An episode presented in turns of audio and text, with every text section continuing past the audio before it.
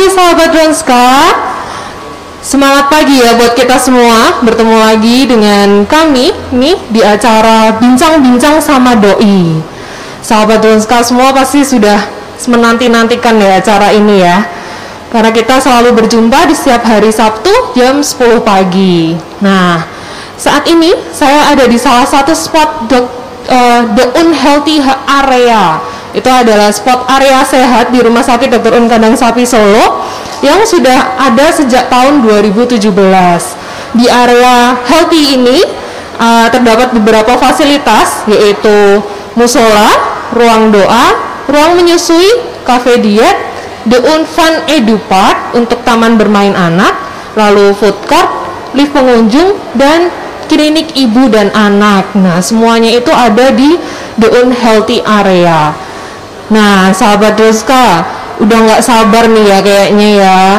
Uh, ada siapa sih ini di samping saya? Uh, pasti sudah pada tahu semua siapa. Hari ini kita akan membahas tema vaksinasi dewasa bersama narasumber kita, Dr. Agus Joko Susanto, dokter spesialis penyakit dalam konsultan alergi imunologi. Nah, sebelum kita menjawab pertanyaan dari sahabat Doska melalui IG atau beberapa yang sudah kami simpan sebelumnya sudah DM, uh, eh, saya akan persilakan Dr. Agus Joko untuk memberikan sedikit materi dulu, Dok. Terima kasih. Ini sahabat Tronska ya. Selamat pagi, semangat pagi semuanya. Ini jam 10 ya setiap jam 10 uh, eh, acara ini memang se seminggu sekali ya? Iya, seminggu sekali. Seminggu sekali ya, dan di kesempatan pada pagi hari ini saya juga pertama ucapan terima kasih ini ya, uh, kesempatannya untuk di pagi hari ini. Saya diberi kesempatan untuk ngisi nih, ngisi terkait masalah ya topik hari ini memang bagus sekali Mbak ya, bagus sekali nih, topiknya sangat menarik sebenarnya, nanti kalau nggak ikut sayang sayang juga ini ya terkait masalah vaksinasi ya vaksinasi dewasa. E, mungkin banyak yang sudah divaksin. Mbak sudah divaksin belum? Saya belum. Tapi saya yakin sudah karena waktu kecil sudah divaksin pasti ya, ya. kalau untuk yang mungkin yang sahabat Ronska mungkin e, masih belum familiar ya karena terkait masalah vaksin ini yang sering didapatkan kan pada usia anak ya kan? Sahabat Ronska pasti tahunya vaksin itu pada anak saja ya kan? Anak. Jadi memang tidak begitu familiar dengan uh, vaksin pada orang dewasa ya. Seringnya pada anak. Karena memang apa pun anak kan memang masih uh, sampai sekarang masih program pemerintah ya. Prioritas pemerintah untuk diberikan vaksin pada uh, balita ya. Tetapi seiring perjalanan ternyata ternyata ya mbak ya itu vaksin itu bisa diberikan pada orang dewasa ya orang dewasa. Vaksin-vaksin yang diberikan pada orang dewasa itu apa saja sih? Vaksin yang mana ada bisa infeksi seperti contohnya paling gampang itu uh, paling orang yang sering main ya tipes ya. Banyak. Sebenarnya tanya vaksin itu apa sih sebenarnya? Ya kan ini tanya. Vaksin itu sebenarnya apa sih? Vaksin itu sebenarnya kita memberikan sesuatu ya hal dari kuman itu yang baik yang dimatikan atau yang masih dilemahkan ya kan?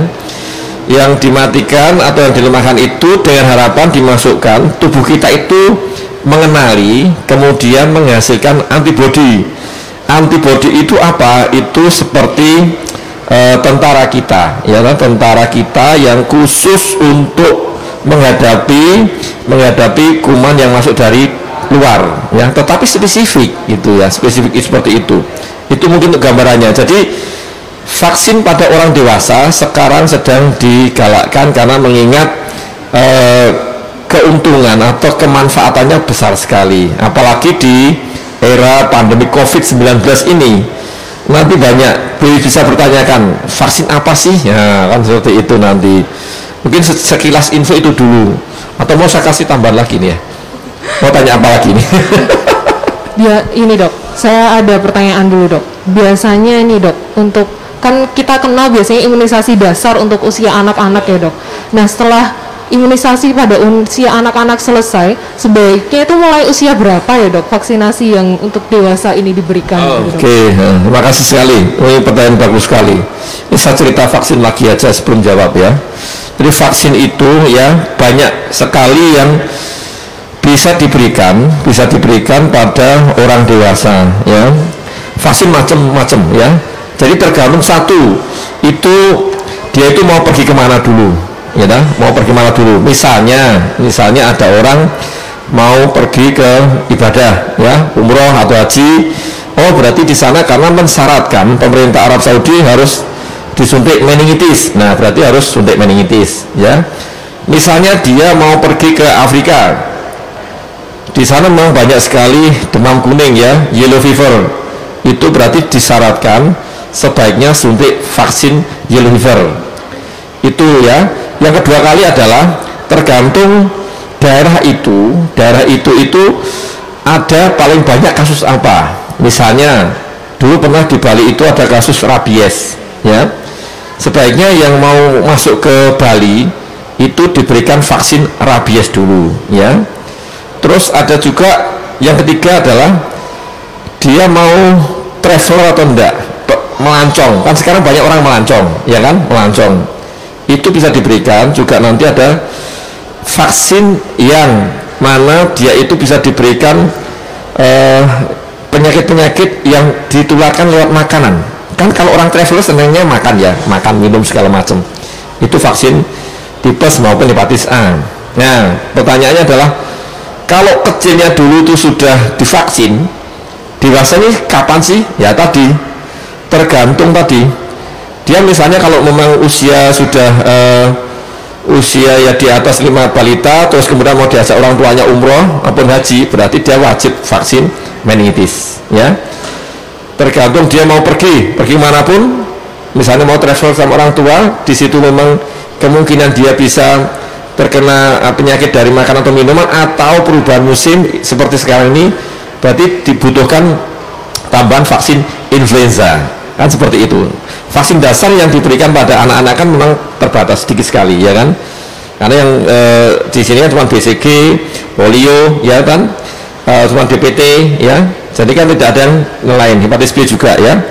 Terus vaksin yang di luar itu itu bisa kita dapatkan saat dia memang sudah menginjak usia SD, SMP dan seterusnya kalau dengan atas indikasi tadi. Indikasinya macam-macam tadi ya. Kalau dia mau pergi ke mana mau Afrika diajak pergi ke mana atau ke mana tambahkan itu. Boleh nggak apa-apa. Sesuai dengan indikasinya iya ya, dok. betul nah. sekali nah siap dok. Ini saya merangkum beberapa pertanyaan nih dok. Dari sahabat-sahabat Druska ada dari teman saya juga ada yang nitip pertanyaan ke saya dok ini ada dari Regia Putria ada dari Helena Pauleta uh, lalu ada juga dari Anggun Pamase ini pertanyaannya kurang lebih sama dok tentang. Anggun sama saya. Ini pertanyaannya tentang uh, kira dalam kondisi pandemi ini dok. Uh, ada yang menanyakan sebaiknya melakukan vaksin apa saja untuk menjaga daya tahan tubuh. Lalu ada yang menanyakan uh, apakah vaksin flu dan pneumonia itu juga bisa membantu untuk mencegah tertular COVID seperti itu dok. Lalu nanti ada sedikit tambahannya dok, ini kan untuk orang-orang yang dalam kondisi mungkin dalam kondisi tubuh normal dok. Kalau dalam kondisi tubuh autoimun bagaimana dok? Eh, vaksin yang bisa diberikan apa? Apakah ada pemeriksaan dulu sebelumnya? Seperti itu dok. Ini memang yang satu bukan nanti dari autoimun karena kan kita punya penyintas autoimun namanya. Penyintas autoimun banyak sekali. Ini yang satu butuh nanti karena ini memang sudah kita share nih untuk yang punya autoimun segala macam nanti ada ya. Jadi gini, ini sangat menarik sekali ya, menarik sekali terkait masalah COVID-19 ini ya, COVID-19 ini ya. Vaksin, pertanyaannya vaksin apa sih yang penting itu nih COVID-19? Yang jelas adalah yang perlu diingat ya, eh, sahabat Dronska ya. Sampai sekarang vaksin untuk COVID-19 belum ada. Sedang uji klinis ya. Sampai tahap uji klinis ya, fase 3 Nanti fase 4 baru dipasarkan. Eh, Jadi memang masih agak lama. Jadi kalau tanya, oh ini ada vaksin bisa mengobati atau mencegah COVID-19? Tidak ada. Sampai sekarang belum ada. Ya.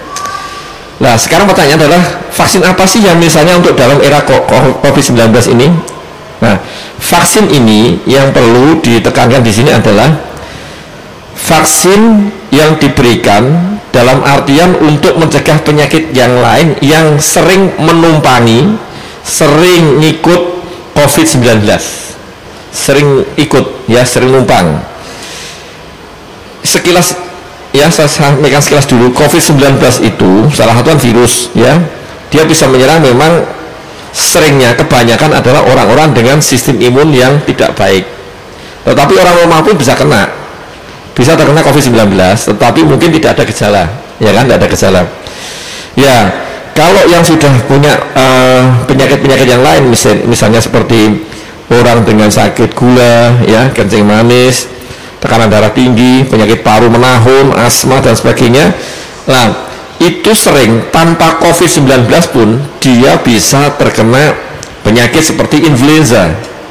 Influenza maupun radang paru-paru pneumonia ya kan? Nah makanya COVID-19 ini kalau dia nyerang seseorang dia itu sering diikuti oleh influenza ini sama pneumonia ya karena infeksi makanya kalau ditanyakan vaksin apa sebaiknya pilihkan adalah vaksin influenza dulu influenza ya. Tetapi vaksin influenza ini tidak mengobati atau mencegah COVID-19 loh ya.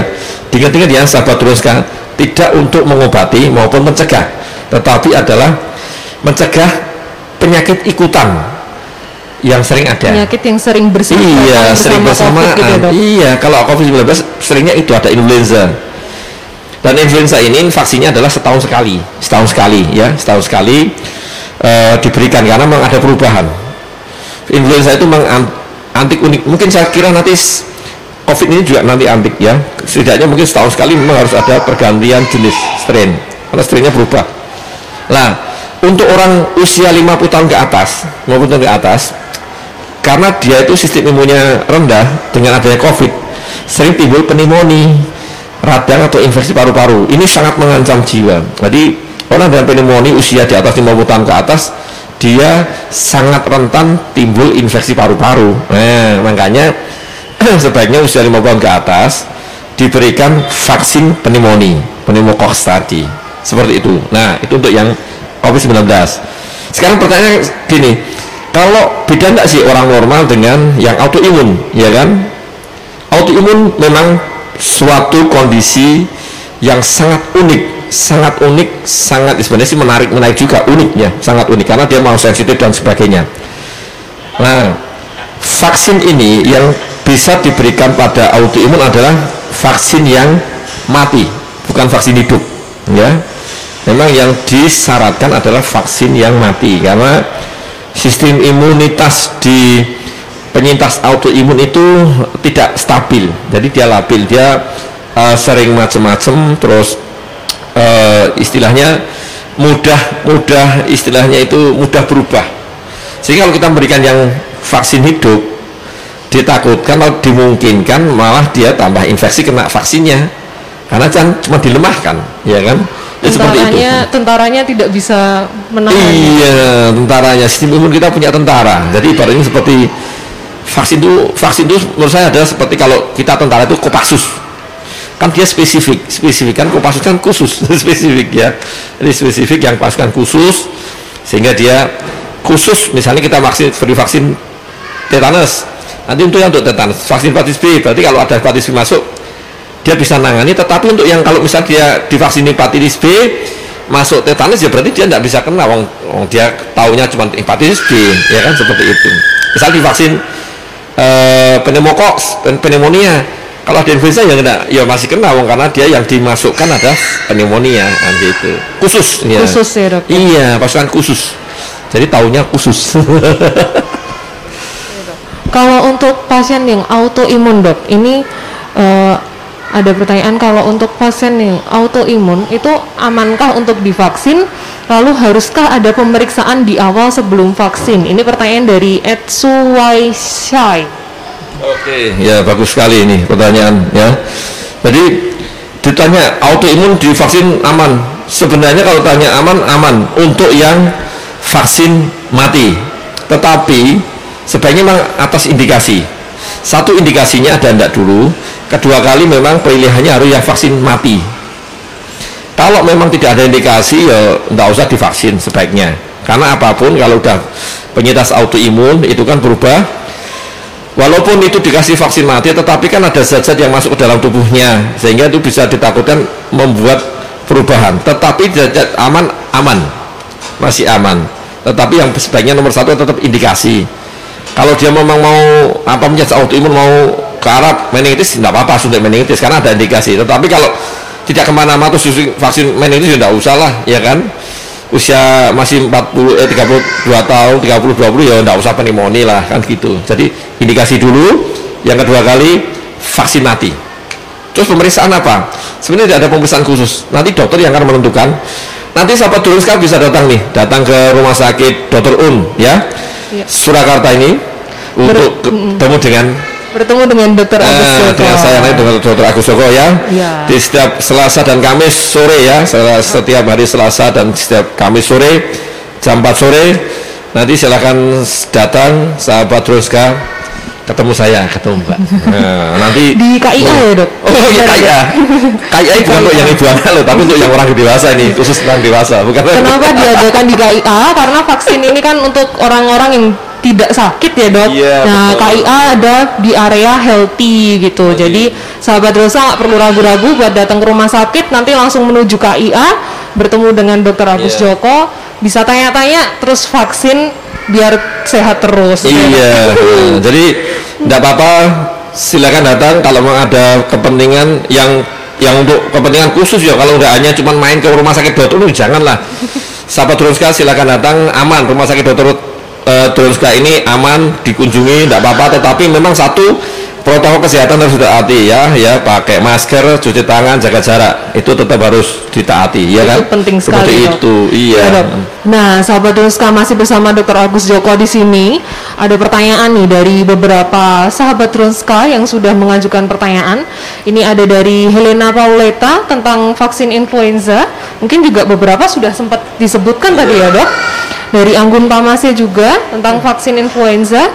Uh, lalu ini ada tambahan dari Wina Asri 4 Pagi Dokter Agus Joko, saya pasien Dokter Agus Joko di Dokter Un dan di Muardi. saya penyintas autoimun, saya memiliki riwayat sinusitis dan kalau flu susah sembuhnya. Gimana waktu yang tepat untuk vaksin influenza ya dok? Gitu. Lalu untuk yang Helena Pauleta tadi katanya dalam setahun sering pilek dok, gak sembuh-sembuh. Oh, ini untuk pelaksanaan ya. vaksin influenzanya gimana ini dok? Terima kasih nih sahabat terus kami. Ada pertanyaan menarik sekali ya, sangat menarik karena pertanyaannya ya gini, Mbak ya, yang penting adalah kita harus nyari cari cari tahu dulu ya sebenarnya. Dia itu sering pilek setahun sepanjang tahun. Itu karena apa dulu? Nomor satu ya kan? Yang tersering adalah yang tersering jangan lupakan apalagi kalau punya autoimun adalah bakat alergi atopi. Jadi bisa kita dapatkan pas eh, pada seseorang dengan alergi dia itu bisa timbul rinitis atau pilek menahun. Pilek menahun karena penyebabnya alergi. Itu loh bukan virus flu lain ya. Penyebabnya alergi. Yang kedua kali adalah karena ketidaknormalan struktur tulang. Jadi tulang hidung kita kan terbagi dua ya kan besar kanan kirinya itu sama tetapi kalau dia ada bengkong bengkong septumnya maksudnya deviasi jadi gini ke bengkong gini berarti dia akan besar sebelah lubangnya sehingga dia akan terpicu pilek terus. Nah makanya tetap harus di, dilihat dulu ya diawasi di, dievaluasi apakah ini pilek menahun karena alergi ataukah karena ada kelainan anatomisnya ataukah memang dia memang flu ya Nah, itu untuk penyebabnya. Kalau tanya vaksin, bagus divaksin, ya. Tetap apa pun kondisi kayak gini tetap bisa di, harus divaksin karena walaupun dia rinitis alergi, alergik, kemungkinan dia untuk timbul influenza itu lebih besar dibanding orang normal. Lebih besar ya. Sudah punya bakat alergi rinitis seperti itu, ditambah dia gaya hidupnya yo dalam tanda kutip itu tidak bagus, kurang tidur, kurang istirahat, segala macam sehingga virus influenza bisa muncul sehingga bisa diberikan vaksin influenza begitu juga untuk penyintas autoimun sama penyintas autoimun itu juga dia rentan timbul influenza Kalau kalau sering in- pilek juga pada penyakit autoimun sebaiknya bisa divaksin influenza. Tetapi tadi indikasi juga karena autoimun ada unik. Kalau memang jarang sekali dia terkena apa uh, flu, ya sebaiknya tidak usah karena memang tidak ada indikasi. Kalau sering pilek, sebaiknya vaksin ya, vaksin influenza. Datang ke rumah sakit Dronska. Nah, ya. Sebaiknya datang ketemu dokter Iya Agus dong. sampaikan keluhannya Oh, nanti diberikan keluhannya. saran ya Mereka dok ya, ketemu, bukan iya. ya dok. Saya ketemu Benar sekali ya. dok. Baik dok, ada pertanyaan dari Etregia Putria nih dok.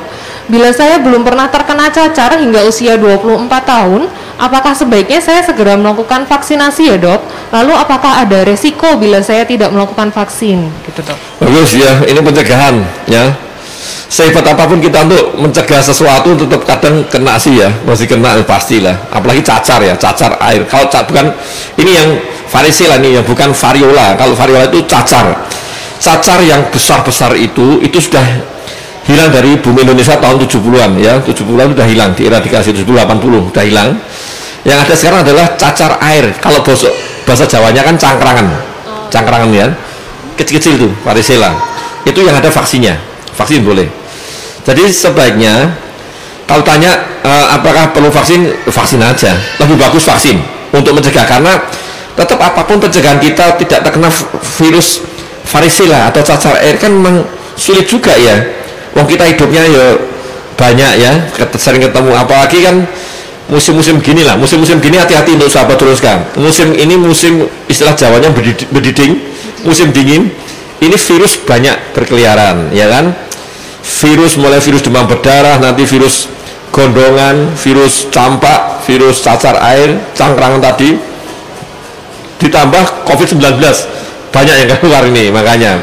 Double combo ya. Iya, double combo ini, triple combo. Triple combo.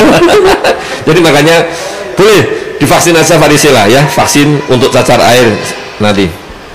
Enggak apa-apa. Berarti untuk pelaksanaannya bebas ya dok? Atau Boleh. Ada Bebas. ketentuan tertentu? Tidak ada gitu? ketentuan. Silakan datang. Yang penting adalah satu tidak punya tidak tidak memiliki alergi, alergi terhadap misalnya riwayat alergi terhadap vaksin sebelumnya. Nanti apa pun makanya gunanya datang, nanti konsultasi, nanti kita akan evaluasi dulu. Sebenarnya ini indikasi untuk di eh, vaksin atau tidak. Kedua kali memungkinkan tidak ada kontak indikasi tidak, kan seperti itu. Ya. Ya, Siap dok. Berarti sahabat Dronska yang masih ragu-ragu, masih ini perlu vaksin nggak sih? Gitu. Boleh ya dok, dicoba ya dok untuk datang ke Dronska, datang ke Rumah Sakit Dr. Un Kandang Sapi Solo di setiap hari Selasa dan Kamis pukul 4 sore ya dok. Pukul 4 sore nanti bertemu dengan Dr. Agus Joko Susanto. Dokter apa? Dokter spesialis penyakit dalam, konsultan alergi imunologi. Ini udah jos banget ini Iya Dokter sih, Agus Joko. kebetulan sih kebetulan untuk sekarang sih eh, di provinsi Jawa Tengah baru satu satu orang Nah, Ada di sini deh dok. iya kan harus kan harus menceritakan sama sahabat terus kan Harus harus satu orang ya Mm. harus eh, digunakan ini. Ada Dokter Agus Joko di sini, sahabat Ruska harus segera datang sini. Nah, selain itu nih dok, saya mau promosi dikit boleh ya dok? Promosi tentang rumah sakit ini dok. Nah, sahabat Ruska nih pasti udah nggak sabar vaksin ini. Nanti kalau datang ke rumah sakit bisa juga mampir ke kafe dietnya rumah sakit Dokter Un Kandang Sapi Solo. diet ya Ada kafe Eh, diet dokter. tadi untuk jaga body gitu ya ada menu-menu makanan sehat Oh, dokter, untuk sehat, menjaga oke, iya, siap. imunitas tubuh juga Iya, ya dokter betul, betul. begitu nah sahabat Ruska bisa datang ke kafe diet kafe diet ada di area sehat juga nah di sini dok, eh, sahabat Ruska bisa pesan menu-menu makanan sehat atau pesan jus juga nah untuk Eh, di bulan September besok di tanggal 5 tanggal 3 sampai tanggal 5 September eh, Cafe Diet ada promo ini dok. Ada promo. Tapi khusus untuk sahabat Dronska yang punya tumbler Dronska. Sudah pada punya belum ya? Kalau temen-temen sahabat Dronska yang udah pada punya pasti tahu nih setiap tanggal 3 kita ada promo diskon 30% untuk pembelian jus. Nah kali ini di bulan September diskonnya dari tanggal 3 sampai tanggal 5 kenapa sih kok tiga hari? Nah, di hari itu adalah ada dalam rangka peringatan Hari Pelanggan Nasional juga di tanggal 4 September. Jadi, sahabat Roska boleh datang ke rumah sakit selain periksa ke dokter Agus Joko, nanti beli jus gitu biar semakin sehat. Jusnya macam-macam ya tadi ya? Jusnya macam-macam dong. Jus durian tidak ada ya? Kalau jus durian nggak ada itu dong. Ada, Tapi bisa konsultasi dulu dengan Iya. petugasnya di kafe diet. Kira-kira mau cari yang oh saya mau yang banyak vitamin C-nya atau mau yang seperti apa seperti itu teman-teman semua. Eh, untuk teman-teman semua yang mau ada pertanyaan lagi silakan melalui kolom chat kita. Nah ini dokter Agus Ya ada Eko. apa-apa. mm. Ya lapangan parkir juga luas loh. Saya juga promosi nih. Iya, Dok. Di Dorska ini kan juga lapangan parkirnya juga lahan parkirnya juga Iya, lumayan luas nih. luas, Jadi Dok. bisa bisa datang aman. Yang jelas saya ulangi protokol kesehatan ditaati, ya kan protokol kesehatan. Nanti bisa vaksin. Oh ya gini, ini saya juga cerita tentang daripada ini ada vaksin juga. Vaksin memang memang ini vaksin yang untuk COVID-19 kalian ini masih tadi sedang uji coba ya sampai sekarang. Eh, semoga sih dalam beberapa saat ke depan itu bisa berhasil ya. Walaupun memang eh, memang butuh ke- banyak kendala sih ya. Semoga sih bisa ya bisa terlaksana bisa terrealisir. Sehingga eh, era COVID, pandemik ya pandemi COVID-19 ini segera berakhir kan kita bisa hidup normal lagi kan. Normal lagi ke mana-mana bisa bareng. Sekarang kan sulit. Ini harus jaga jarak nih saya harus jaga jarak. Pakai masker Jadi Ini mic-nya juga harus ditutup ini, dok. ini mic-nya juga pakai masker ini so pakai masker jadi kan sulit juga ya belum lagi nafasnya agak ngos-ngosan Iya dok. seperti itu Selain itu juga di rumah sakit juga sudah pakai teknologi touchless dok untuk iya. pengambilan karcis parkirnya. Lalu seperti yang sahabat Doska pasti tahu, kita semua pasti eh, diminta untuk cuci tangan dulu atau pakai hand sanitizer dulu. Di rumah sakit sendiri juga menyemprotkan disinfektan di seti- untuk bersih-bersih begitu. Lalu kita terapkan physical distancing seperti saya dan Dr. Agus Joko sekarang. tahu nih Yang pasti harus menggunakan masker ya dok. ya, masker nanti kalau nggak masker nanti security yang akan megang nih pegang nih pegang bawa pakai sutu pakai masker dulu gitu. Nah, dok, ini ada pertanyaan lagi dok dari Suwaisai. Dokter untuk program hamil, rencana saya akan vaksin terlebih dahulu untuk mencegah berbagai virus. Sebaiknya vaksin dengan program hamil jaraknya berapa lama ya dok? Apakah satu tahun sebelum program hamil? Gitu dokter. Sebenarnya tidak ada masalah. Vaksin itu yang penting gini, vaksin itu kalau kita berikan vaksin, insya Allah nanti memang berbeda- beda-beda. Tetapi kita pukul rata ya, rata-rata sekitar 3-4 minggu sudah terbentuk antibodi. Jadi tidak perlu tunggu sampai satu tahun sebenarnya. Jadi kalau memang mengendaki ya, eh, mengendaki mau program apa pun, antibodi atau tentara kita itu terbentuk setelah kita vaksin ya sekitar 3-4 minggu lah. Ada yang dua minggu ada yang ya kita pukul rata 3-4 minggu. Jadi se- setelah insya Allah sebulan sebelumnya itu sudah aman insya Allah sudah terlindungi. Itu aja. Jadi tidak usah nunggu setahun. Dok. kelamaan nanti pusing kepalanya ya Berarti sebelum promil kurang lebihnya satu Iya, bulan satu vaksin bulan. dahulu udah cukup gitu udah satu satu bulan udah cukup udah udah terbentuk antibodi yang bagus nanti ya Iya dokter. Nah dok, kalau untuk saat-saat ini dok yang sering konsultasi dengan dokter Agus Joko tuh biasanya konsultasi tentang vaksin apa nih dok? Oh iya. Ini sahabat teruskan nih, memang vaksin ini memang kita sangat menarik ya. Apalagi ini ini agak booming sekarang itu memang karena ada COVID ya, COVID-19 ya. Yang sering ditanyakan tadi pilihannya apa sih itu aja, pilihannya yang sering untuk apa ya. Untuk untuk tadi sudah saya sampaikan di awal mungkin yang sahabat teruskan yang baru ikut nih, baru ikut ya ikut gabung paling tidak pilihan nomor satu adalah influenza ya vaksin influenza tetapi vaksin influenza tidak untuk mencegah atau mengobati COVID-19 ingat-ingat ya vaksin pneumonia juga ya tapi untuk khusus 50 tahun ke atas ya. tapi tidak juga untuk mencegah atau mengobati itu yang penting. Terus vaksin yang sering eh, dikonsumsi pada kita adalah hepatitis. Hepatitis hepatitis B itu sering di eh, sering ditanyakan. Karena apa? Sampai sekarang masih ada ya mungkin cukup banyak ya perusahaan-perusahaan yang mensyaratkan dia tidak boleh atau eh, istilahnya tidak memiliki virus hepatitis B, ya kan? Seperti itu. Jadi yang saya tanyakan adalah hepatitis B karena masalah untuk kerjaan dan sebagainya, influenza maupun yang pneumonia, pneumonia, pneumokoks ya, pneumonia. Tetapi untuk virus yang lain, vaksin yang lain sih ada beberapa. Yang agak sulit adalah kalau yang mau sekolah, sekolah ke luar negeri itu ada beberapa negara yang mensyaratkan agak sulit seperti MMR, ya kan, yellow fever, sulit ya. Dan memang ketersediaan vaksinnya agak sulit ya, tapi itu bisa diusahakan. Yang jelas kalau masih penasaran silakan datang ke rumah sakit Droska ya nanti Selasa atau Kamis jam 4 sore nanti bisa bertemu dengan saya ya Iya, dok. di vaksin ya Jadi dokter Agus Joko menyebutkan hepatitis nih dok. Iya. ada yang bertanya dari Edwina Ansri 4. Pagi dok, saya penyintas autoimun dengan 6 jenis dan sekarang lagi dirawat karena IBD kolaps dok. Dan saya mengal- sering mengalami flu dan saya ingin vaksinasi. Juga bagaimana dengan vaksin hepatitis? Apakah dianjurkan? Gitu dokter. Oke, ya, Mbak Win, ya.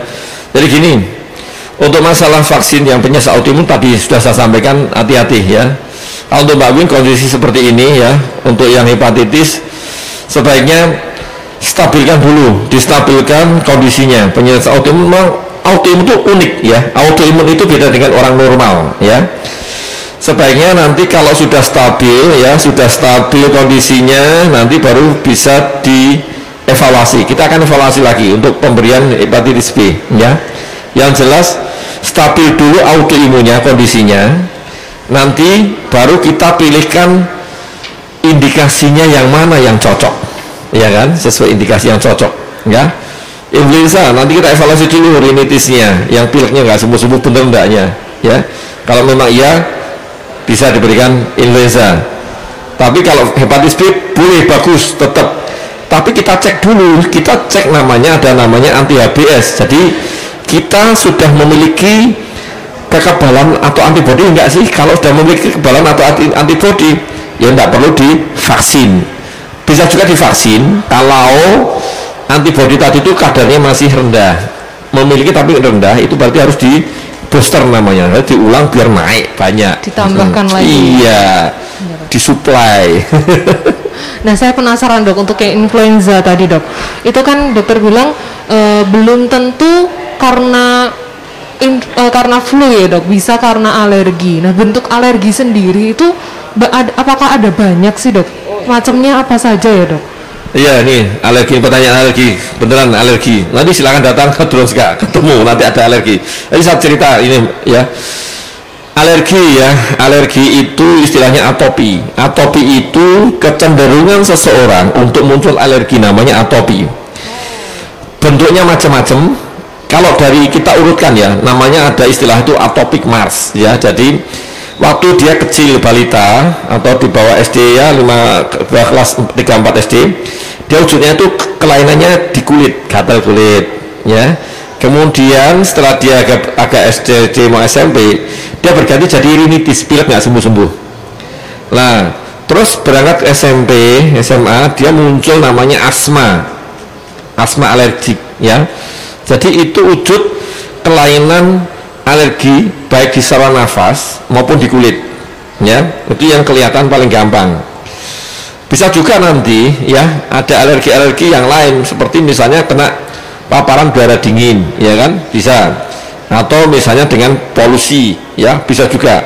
Atau istilahnya alergi terhadap ini penyebabnya terhadap makanan, obat itu kan juga bisa alergi. Banyak. Tetapi wujudnya ada di kulit, kemudian di eh, hidung rinitis maupun di paru-paru asma. Jadi itu Nah, Oh, alergi ya. Nah. Kalau orang merasa diri, ah mungkin dia tidak tahu kalau alergi, tapi lebih baik juga tetap divaksin ya dok, karena Iya. dengan orang dengan alergi berarti kondisi tubuhnya lebih rentan dibandingkan dengan orang yang normal begitu ya dokter ya. sekali. Benar ya dok. Nah dok saya lihat yang itu tuh dok, kayaknya ada kalender atau ini, apa ini, ya ini ini dok? jadwal nih jadwal imunisasi nih jadwal imunisasi dewasa ya tadi jadwal imunisasi dewasa ini bisa dilihat nanti oh ini kelompok umur berapa ya misalnya kelompok umur berapa yang perlu eh, mendapatkan vaksin memang di sini beda beda dengan yang di anak karena kan ini untuk dewasa. Oh, iya. Dewasa berarti 18 tahun ke atas. Ya kan? Benar. Nah, jadi Sama. memang kalender atau jadwal imunisasi dewasa yang sebenarnya kalau di balita, di balita sini yang yang mirip dengan di sini balita adalah cuman hepatitis B, ya kan ada ada DPT juga ini DPT juga ada ya. Tetapi yang lain memang berbeda. Seperti kalau yang ada contohnya tadi yang traveler misalnya eh hepatit tipes tadi ya, tipes hepatitis A itu kan berbeda ya.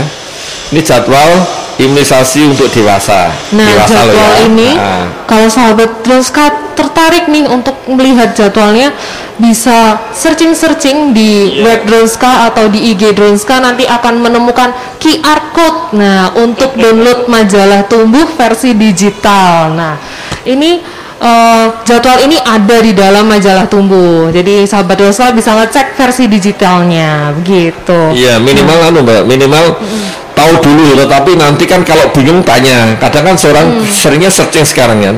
Searching internet searching di mana-mana ya mau ma- apa pun. Ketemu terus mohon maaf biasanya kan sering ditelan mentah-mentah. Kalau telan mentah-mentah nanti bingung ya kan. Sebaiknya tetap minimal untuk istilahnya itu pengetahuan. Tetapi apa pun nanti silahkan datang konsultasi. Nah, Dipastikan dulu dengan ahli Iya. ya ya. Satu-satunya di Jawa Tengah nih saat seperti ini. itu iya dok. Nah sepertinya kita udah masuk ke sesi-sesi akhir nih dokter. Iya, perasaan baru baru anu belum lama ya. Kayak baru lima menit ya dok. 5 menit, 10 menit. Nih sahabat Ronska, saya ulangi lagi nih buat sahabat Ronska semua yang udah nggak sabar buru-buru pengen vaksin, ketemu dengan Dokter Agus Yoko ada di setiap hari Selasa dan Kamis jam 4 sore. Nanti teman-teman bisa langsung menuju KIA Klinik Ibu dan Anak. Tapi ini bukan untuk memeriksa ibu dan anak ya. Eh, sahabat Ronska yang eh, berjenis kelamin laki-laki juga boleh datang ke sana untuk vaksin dengan Dokter Agus Joko. Alasannya kenapa di KIA karena ada di healthy area. Begitu sahabat Ronska nah saya mau mengumumkan, mengumumkan eh, satu orang pemenang dari penanya tadi Ada yang dapat? dapat dapat prize ya. Giveaway-nya apa sih? Mau saya mau kasih tahu giveaway-nya dulu. Giveaway-nya adalah pemeriksaan dan konsultasi di klinik spesialis penyakit dalam alergi imunologi. Sudah pasti bersama dengan siapa? Bersama dengan Dr. Agus Joko. Iya, Begitu. Siapa ya pemenangnya ya, sahabat Ronska? Nah, Eh, tadi lewat undian enggak ya? Enggak undi nih. eh, eh, kita undi dari tim yang di belakang sana, Dok. Ini ada Ed Suwaisyai. Nah, selamat untuk Ibu Suwaisyai atau Kakak Suwaisyai ya. Eh, tadi pertanyaannya tentang pemeriksaan autoimun dan vaksinnya, Dok. Oh iya. Nah, nanti bi- akan dihubungi oleh dari Humas Marketing Rumah Sakit Dr. Kandang Sapi Solo ya untuk eh, mendapatkan voucher ke klinik pemeriksaan eh, pemeriksaan konsultasi dan konsultasi klinik spesialis penyakit dalam alergi imunologi. Begitu. Ada sepatah dua patah kata lagi dokter yang mau ditambahkan Oh, iya. untuk sahabat Dronska di luar sana, Dok. Terima kasih ya. Ini yang terakhir ya untuk sahabat Tronska ya yang perlu saya sampaikan yang terakhir nih Mbak ya. Mungkin sekelumit se- sebaris, banyak baris. yang pertama adalah vaksin tidak hanya pada balita ya. Vaksin bisa diberikan pada orang dewasa ya. Berbagai jenis vaksin bisa diberikan pada orang dewasa terkait ya indikasinya ya. Yang diberikan terkait indikasi apalagi sekarang zaman apa pandemi Covid-19. Ada beberapa vaksin yang direkomendasikan diberikan pada saat Covid dan di luar Covid juga. Nanti ada jadwal khusus imunisasi dewasa ya, ada. Dan eh, bisa datang nanti di Rumah Sakit Donska ya di setiap hari Selasa dan Kamis jam 4 sore ya 4 sore. Nanti bisa bertemu dengan saya. Dan yang terakhir adalah walaupun COVID-19 ini kok kayaknya jadi nyantai nih ya? Nah itu hati-hati tetap protokol kesehatan dijalani ya. Se- sering saya sampaikan protokol kesehatan dijalani jaga jarak ya pakai masker sering cuci tangan. Ya, itu yang penting ya. Untuk untuk mencegah tetap penularan penyebaran COVID. Dan juga sebenarnya tidak hanya COVID ini mbak ya. Cuci tangan yang baik adalah apa? Biar nggak kena vaks anu tipes juga atau hepatitis A walaupun itu ada vaksinnya Ada ya. pencegahan penyakit Iya, ya, jadi itu dan silakan yang terakhir silakan datang ke rumah sakit uh, Surakarta. Aman insya Allah. Yang penting ada protokol kesehatan ditaati. Hmm, begitu. Nah, iya dok. Selain itu juga sahabat Dronska mau mengetahui informasi lebih lanjut terkait pelayanan dan fasilitas rumah sakit. Nah, contohnya nih ada medical check up, rapid test, swab test dan masih banyak lagi. Sahabat Dronska bisa kepoin Instagramnya Dronska di @dronska gitu atau menghubungi kami di nomor layanan pelanggan di 081 553 300 333 gitu. Nah, saya mau menambahkan nih dok untuk jadwal polikliniknya Dr. Agus Soko di Rumah Sakit Dr. Kandang Sapi Solo ada di hari Senin sampai Jumat, benar ya dok? Senin sampai Jumat ya. Jadi setiap hari Iya. Senin, Selasa, Rabu, Kamis, Jumat. Senin sampai Jumat. Nah, nanti kan lupa. Sabtu Minggu libur. Satu minggu libur itu Iya. ada di pukul 4 sore. ya, pas sore ya, pas sore sampai selesai, biasanya sampai jam ya sampai selesai lah ya. Jadi ya mungkin ya pokoknya jam 4 lah, karena kalau pagi kan masih buruh. Iya benar dok. Nah sahabat Droska yang mau mendaftar bisa menggunakan aplikasi Droska Mobile mulai dari Hamin 7 sampai dengan Hamin 1 sebelum hari pemeriksaan nanti bisa download aplikasinya di Google Play Store eh, namanya Dronska Mobile gitu. Nanti sahabat Droska bisa daftar melalui aplikasi dan eh, menemui Dr. Agus Joko di kliniknya pada hari H pemeriksaan begitu. Nah, sahabat Roska, tidak terasa kita sudah berbincang-bincang hampir satu jam, dokter. Lama ya. Eh, saya mengucapkan terima kasih untuk sahabat Roska sekalian yang sudah bergabung bersama kami di acara bincang-bincang sama Doi. Saya juga mengucapkan terima kasih kepada Dr. Agus sekali. yang sudah hadir di sini bersama dengan kami berbagi ilmu, berbagi Iya. cerita ya, dokter. Eh, jangan lupa Jangan lupa sahabat Doska, saya juga nggak capek-capek untuk mengingatkan bahwa sahabat Doska harus selalu cuci tangan, gunakan masker, hindari kerumunan, jaga jarak fisik, eh, lalu tetap semangat, tetap menjaga kesehatan gitu. Eh, selamat melanjutkan aktivitas kembali untuk sahabat Doska.